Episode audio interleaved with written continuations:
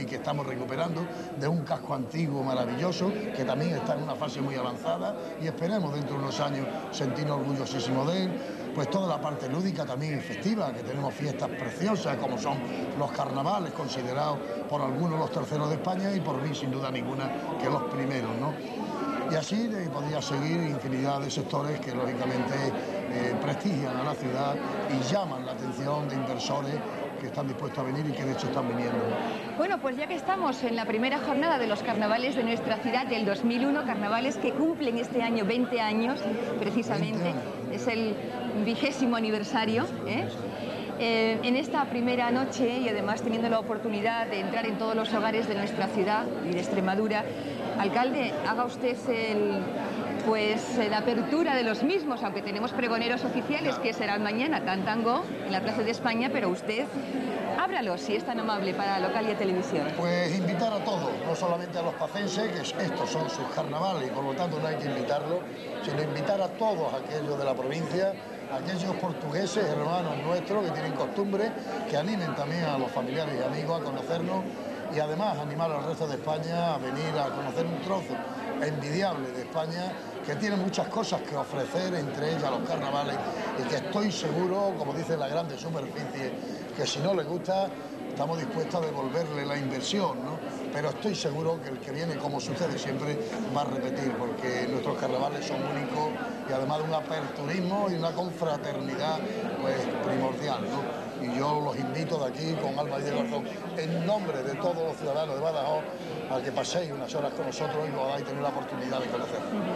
Pues muchísimas gracias Miguel Celdrán Matute por haber estado con nosotros, alcalde de nuestra ciudad por habernos acompañado durante unos minutos en esta inauguración, en este estreno de Localia Televisión. Muchas gracias, Muchas gracias. mucha suerte y que Dios quiera que nos conozcamos muchísimos años. Muchas gracias, alcalde, ha sido un placer. Nos vamos, devolvemos en este momento la conexión a nuestros estudios centrales.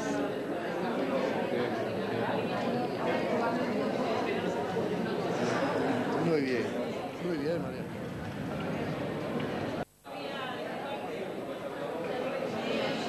Continuamos desde este set de televisión, de Localia Televisión, instalado en el hall del Teatro López de Ayala. Y bueno, con, junto a, mí, conmigo, está eh, Rosana Cruz. Ella está en este instante en el patio de butacas.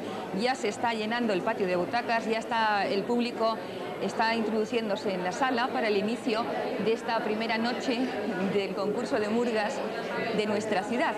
Rosana Cruz, buenas noches. Muy buenas noches, María Jesús. Pues efectivamente estamos en pleno corazón del Teatro López de Ayala. Como veis, me tengo que apertar porque poco a poco va llenándose esto de público. La gente va tomando sus asientos y enseguida hablaremos con algunos de ellos, alguna, algún personaje curioso. Eso será después de un momentito porque vamos a ver un vídeo, ¿no?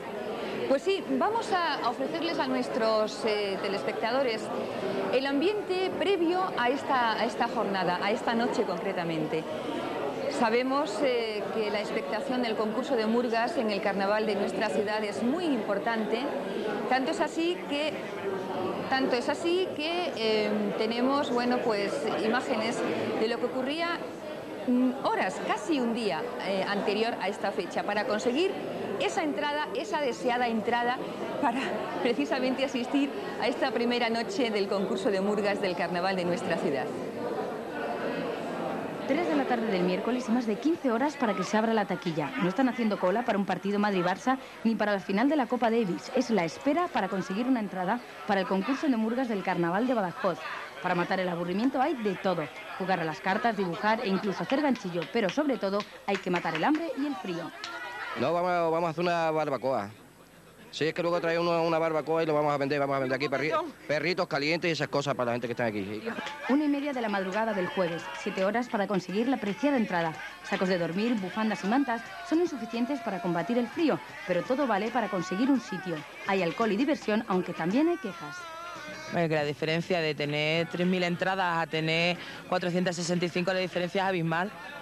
¿Pero y el, y el recinto? El recinto para ellos es mucho mejor, la diferencia es en sonido y en calidad, a comparación de la carpa, tiene aquí mejor calidad. 9 de la mañana, Teatro López de Ayala. Breves segundos para abrir la taquilla. Por fin llega el momento. Al final, mucho ruido y pocas nueces porque la cola no ha sido la esperada y el madrugón no era necesario para conseguir un pase para el teatro. Aún así, conseguir la primera entrada era más que un premio. Hizo Dios, Cabrera. A ver, enseñar. De mucha fría, mira, mira, mira. Esto parece que nos ha tocado la lotería, ¿eh? Parece que estamos enseñando el número de la Bonoloto, ¿eh?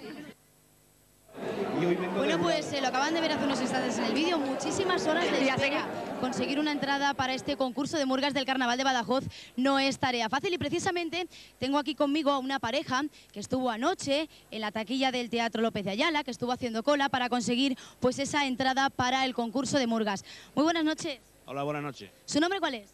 Paco Pino. A ver, Paco, cuénteme usted, porque usted además hace muchísimos años que participa en el carnaval, que viene todos los años a concurso de murgas, ¿no? Pues efectivamente, no ha faltado ni tan siquiera un año. Todos los años acudimos mi señora y yo a ver al evento del carnaval. ¿Y usted ha tenido algún problema este año para conseguir una entrada? ¿A qué hora se vinieron ayer? Bueno, este año ha sido un poco más problemático por la, el poco aforo que tenemos, pero vamos, yo vine ayer a las 4 de la tarde. ¿eh? Y hasta esta mañana, hasta las 9 y algo, no se ha recogido la entrada. De todas formas, yo he visto menos público que el año pasado, ¿no? En la cola. Bueno, pues yo creo que la reacción del público, aparte de que se sabía que, iba a ser menos venta de entradas, pues tenemos la gran suerte en Badajoz que por primera vez pues va a ser más televisado en directo que ningún año y entonces pues hay gente que se retrae, no aguanta tantas horas aguantando día y noche y la inclemencia del tiempo y prefieren verlo en su casa, pero participan igual desde el carnaval. Pero de todas formas es mejor verlo en directo, ¿verdad? A mí me gusta personalmente verlo en directo, por supuesto, eso está claro. ¿No tienes ninguna murga preferida? No, no, esto creo que es mejor venir sin, una idea preconcebida de quién va a ser, que va a actuar, ni ninguno, por supuesto, venir con interés que gane uno u otro, sino ver la actuación, ver puesta en escena y, en definitiva, llevarte lo, mejor del carnaval, que es saber que todos estos críos o gente joven participan y que se trata de mejorarse cada año. Bueno, la gente joven y la gente mayor, ¿no? ¿Usted se va a disfrazar este año? Bueno, vamos a intentarlo. ¿eh? ¿De qué se va a disfrazar? No, eso no lo suelo decir nunca. Ah, no lo suele decir, es sorpresa. Pues muchísimas gracias. Bueno, pues eh, ya lo ven, la gente que sigue entrando y algunas de estas personas pues que han estado aquí y que han estado allí también, que eso es lo importante, haciendo cola para conseguir una entrada para asistir a esta primera fase del concurso de murgas del Carnaval de Badajoz. Nada más, María Jesús. Gracias, Rosana Cruz. Bueno, que el carnaval de Badajoz es eh, tradición secular es cosa sabida, es un fenómeno muy antiguo y arraigado en la memoria colectiva de las gentes, en las raíces de su ser popular, porque únicamente así se explica que después de casi 50 años de proscripción y persecuciones estúpidas, renació con la enorme fuerza de un volcán activo que duerme por un tiempo, tan solo para volver a ser un volcán con mucha, mucha fuerza. Hace un siglo y más el carnaval de Badajoz brillaba en todo su esplendor.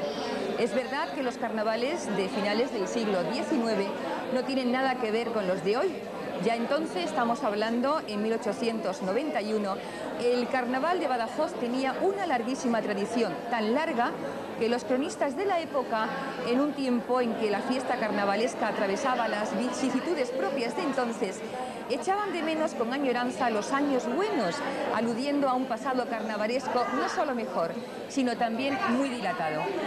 Bueno, como era de esperar, los bailes y cotillones organizados por el Casino de Badajoz y el Liceo de Artesanos fueron la admiración de propios y extraños. También fueron animadísimos en estos finales del siglo XIX los bailes del gimnasio y del centro obrero. Hemos querido hacer una referencia a la historia de lo que ha sido el carnaval en finales del siglo XIX. Antonio Guevara, buenas noches. Buenas noches. Está con nosotros porque mm, Antonio Guevara en este momento es un empresario, un empresario importante que tiene una empresa de servicios y queremos eh, que pasen por nuestro, nuestro sede local y de televisión pues eh, todo tipo de invitados. Por supuesto, el empresariado tiene un lugar muy importante. Antonio Guevara, ¿cómo ve usted desde el punto de vista empresarial los carnavales de Badajoz? Bueno, quizás sea un tema que no incida mucho en una fiesta tan popular y tan interesante como es para la ciudad. Pero no cabe duda que todo arrastra, todo es bueno y todo significa que Badajoz reviva y se ha popularizado por toda España con estos carnavales que desde que resurgieron allá en el año 82. 81 exactamente. 81, que precisamente yo era presidente de la Comisión de Ferias y Fiestas del Ayuntamiento de Badajoz y siendo alcalde Luis Movilla, pues hicimos el punto de partida con un grupo amante de ellos que prácticamente tuvieron el mérito de lanzarlo, porque lo que el ayuntamiento hizo en aquel entonces no fue ni más ni menos que prestar el apoyo que este grupo de ciudadanos decididos y conscientes de lo importante que en aquel momento podía ser esto para Badajoz, lo llevó adelante. Estamos remontándonos efectivamente al año 1981, eh, señor Guevara, pero yo recuerdo que en el año 80, en el año anterior y casi, y bueno, podíamos casi hablar también del 79, podríamos hablarlo también, pero más exactamente en el 80, surgió esa mm, explosión popular espontánea. Se eh, sí, se, creó, eh, salieron en el 80, salieron em, un grupo de personas a la calle, vestidos de carnaval. Salió también la cosa, yo lo recuerdo perfectamente, y usted también seguro que lo tiene en la memoria, que en el 81 el propio ayuntamiento, como usted nos acaba de comentar, se creó esa... Cuando es cuando... por así decirlo, el espaldarazo oficial al tema relativo a decir, bueno, el ayuntamiento tiene la obligación de intervenir en esta inquietud ciudadana y de hecho la Comisión de Feria y Fiesta lo tomó como suyo y dio toda clase de facilidades y apoyó la iniciativa porque verdaderamente era importante como se ha demostrado a lo largo de los años. Sí, supongo, eh, señor Guevara, que em, para usted será importante como ciudadano de Badajoz el haber estado en ese momento, justo en ese instante, en ese momento y en esa fecha, ¿no? Bueno, pues sí, porque yo en cierto modo me creo parte integrante del resurgir del carnaval en Badajoz después de tantos años en los que no hubo posibilidad de hacerlo por las circunstancias políticas, de aquellos momentos. Y no cabe duda que fue un acierto, porque la decisión primero de Luis Movilla, alcalde en aquel momento, y después de la comisión de festeo, pero sobre todo de ese grupo de ciudadanos que se lanzaron a la calle el año anterior, después propusieron al ayuntamiento la iniciativa, pues ha fructificado en esto que es un auténtico espectáculo que es una diversión generalizada y que es un prestigio para toda España el nombre de Badajoz en los carnavales. No digamos que somos los mejores, aunque en el foro interno no lo creemos, porque hay otras cosas que lógicamente tienen más trascendencia desde el punto de vista histórico. Gracias, Antonio Guevara, empresario, concejal en su momento, hombre implicado en el mundo de la política y hombre también importante en el mundo del deporte, sin lugar a dudas. No cabe duda. No cabe duda. Es una afición que conlleva con mi persona desde mi niñez prácticamente. Muchísimas gracias por habernos acompañado esta noche por esta en esta inauguración, en este estreno especial. Divulgación que le dais a través de la emisora y que tengáis muchos éxitos. Muchísimas gracias, Antonia, ha sido un placer. Bueno, pues esta noche es la noche de las murgas del Carnaval de Badajoz, mañana también, por supuesto. Y hemos querido, eh, aparte, mm, sin lugar a dudas, que vamos a ver la actuación de cada una de ellas en directo, hemos querido conocer los prolegómenos, el trabajo anterior, qué es lo que hacen las murgas en sus lugares de reunión, los meses que se dedican a ensayar, a trabajar, etcétera, etcétera. Y eso se lo vamos a contar a ustedes en este momento. Salir al escenario de López de Ayala y contagiar de risas al público no es tarea fácil. Para que todo salga según lo previsto en los 20 minutos de actuación, han sido necesarias muchas horas, días e incluso meses de ensayo. La actuación del concurso es solo la punta del iceberg de un trabajo constante que requiere mucha compenetración y sobre todo mucha paciencia. Cinco meses nos tiramos ensayando, no lo pasamos bien algunas veces con un gilipollas que tenemos aquí. sin querer, sin querer ofenderlo, tenemos que cortar los ensayos porque hoy yo no sé, está cortado, pero hay días que nos tenemos que ir para casa porque las mandíbulas es que no hay quien la aguante. Es loco. Después de las Navidades es cuando las murgas comienzan a pensar seriamente en las letras y la música de sus coplillas, aunque en realidad, desde que acaba el anterior carnaval, hay que estar pendientes de la actualidad para analizar los temas estrella. Hay que estudiar qué noticias dan mayor juego en la parodia y hay que afinar en la música combinando ritmos y notas para que el conjunto sea divertido y a la vez interesante. El duro trabajo se compensará luego en el escenario, con participar en el carnaval y conseguir que el público se quede con sus nombres. Las murgas, sobre todo las novatas, tienen más que premiado su esfuerzo. Pues nosotros como querer llevarnos, nosotros en realidad como querer llevarnos, nos gustaría llevarnos un premio, pero que nosotros el premio ya lo tenemos. El premio nuestro ha sido que nos invitaran y que nos aceptaran eh, y a concursar Badajoz. Y no es por decir siempre como lo que dice toda la gente, no, a nosotros con concursar no nos vale. No, a nosotros de verdad que nos ha llegado al corazón de decir que invitarnos a ir a Badajoz y que aceptaran nuestra solicitud de, de participar. Y entonces, pues para eso nosotros es lo más importante, solo, solo el participar. No todos son esfuerzos y trabajo en el ensayo de las murgas. También hay tiempo para disfrutar de una buena comida y alguna que otra copa, pero sobre todo hay tiempo para divertirse. Yo espero de este año lo mismo de todos los años, divertirme en el carnaval. Divertirme, pasármelo lo mejor posible con esta gente que son maravillosas. Estos pedazos de compañeros que es una murga, de verdad que nos lo pasamos bomba.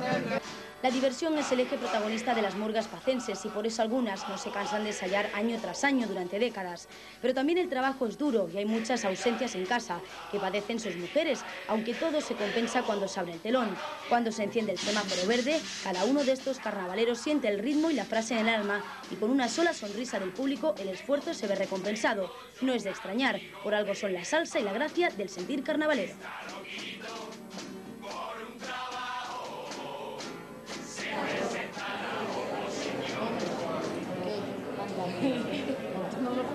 Es nuestra, es nuestra compañera Rosana quien estaba comentándonos en este momento, pero vamos de nuevo a marcharnos a nuestros estudios centrales, que es importante los mensajes que les vamos a ofrecer.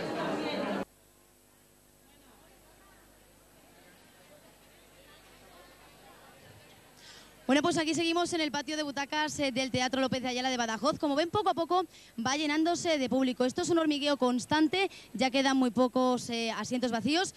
Y nosotros que seguimos entrevistando a la gente, seguimos entrevistando al público. En estos momentos, pues eh, tenemos aquí a gente que no es de Badajoz, que ha venido de un poquito más lejos. A ver, hola, muy buenas noches. Hola, buenas noches. ¿Tú te llamas? Francisco. Porque me permites que te hable de tú. Sí. Francisco, y vosotros venís de Alconchel. Sí, sí, sí. Y habéis venido a animar a una murga en concreto, ¿no?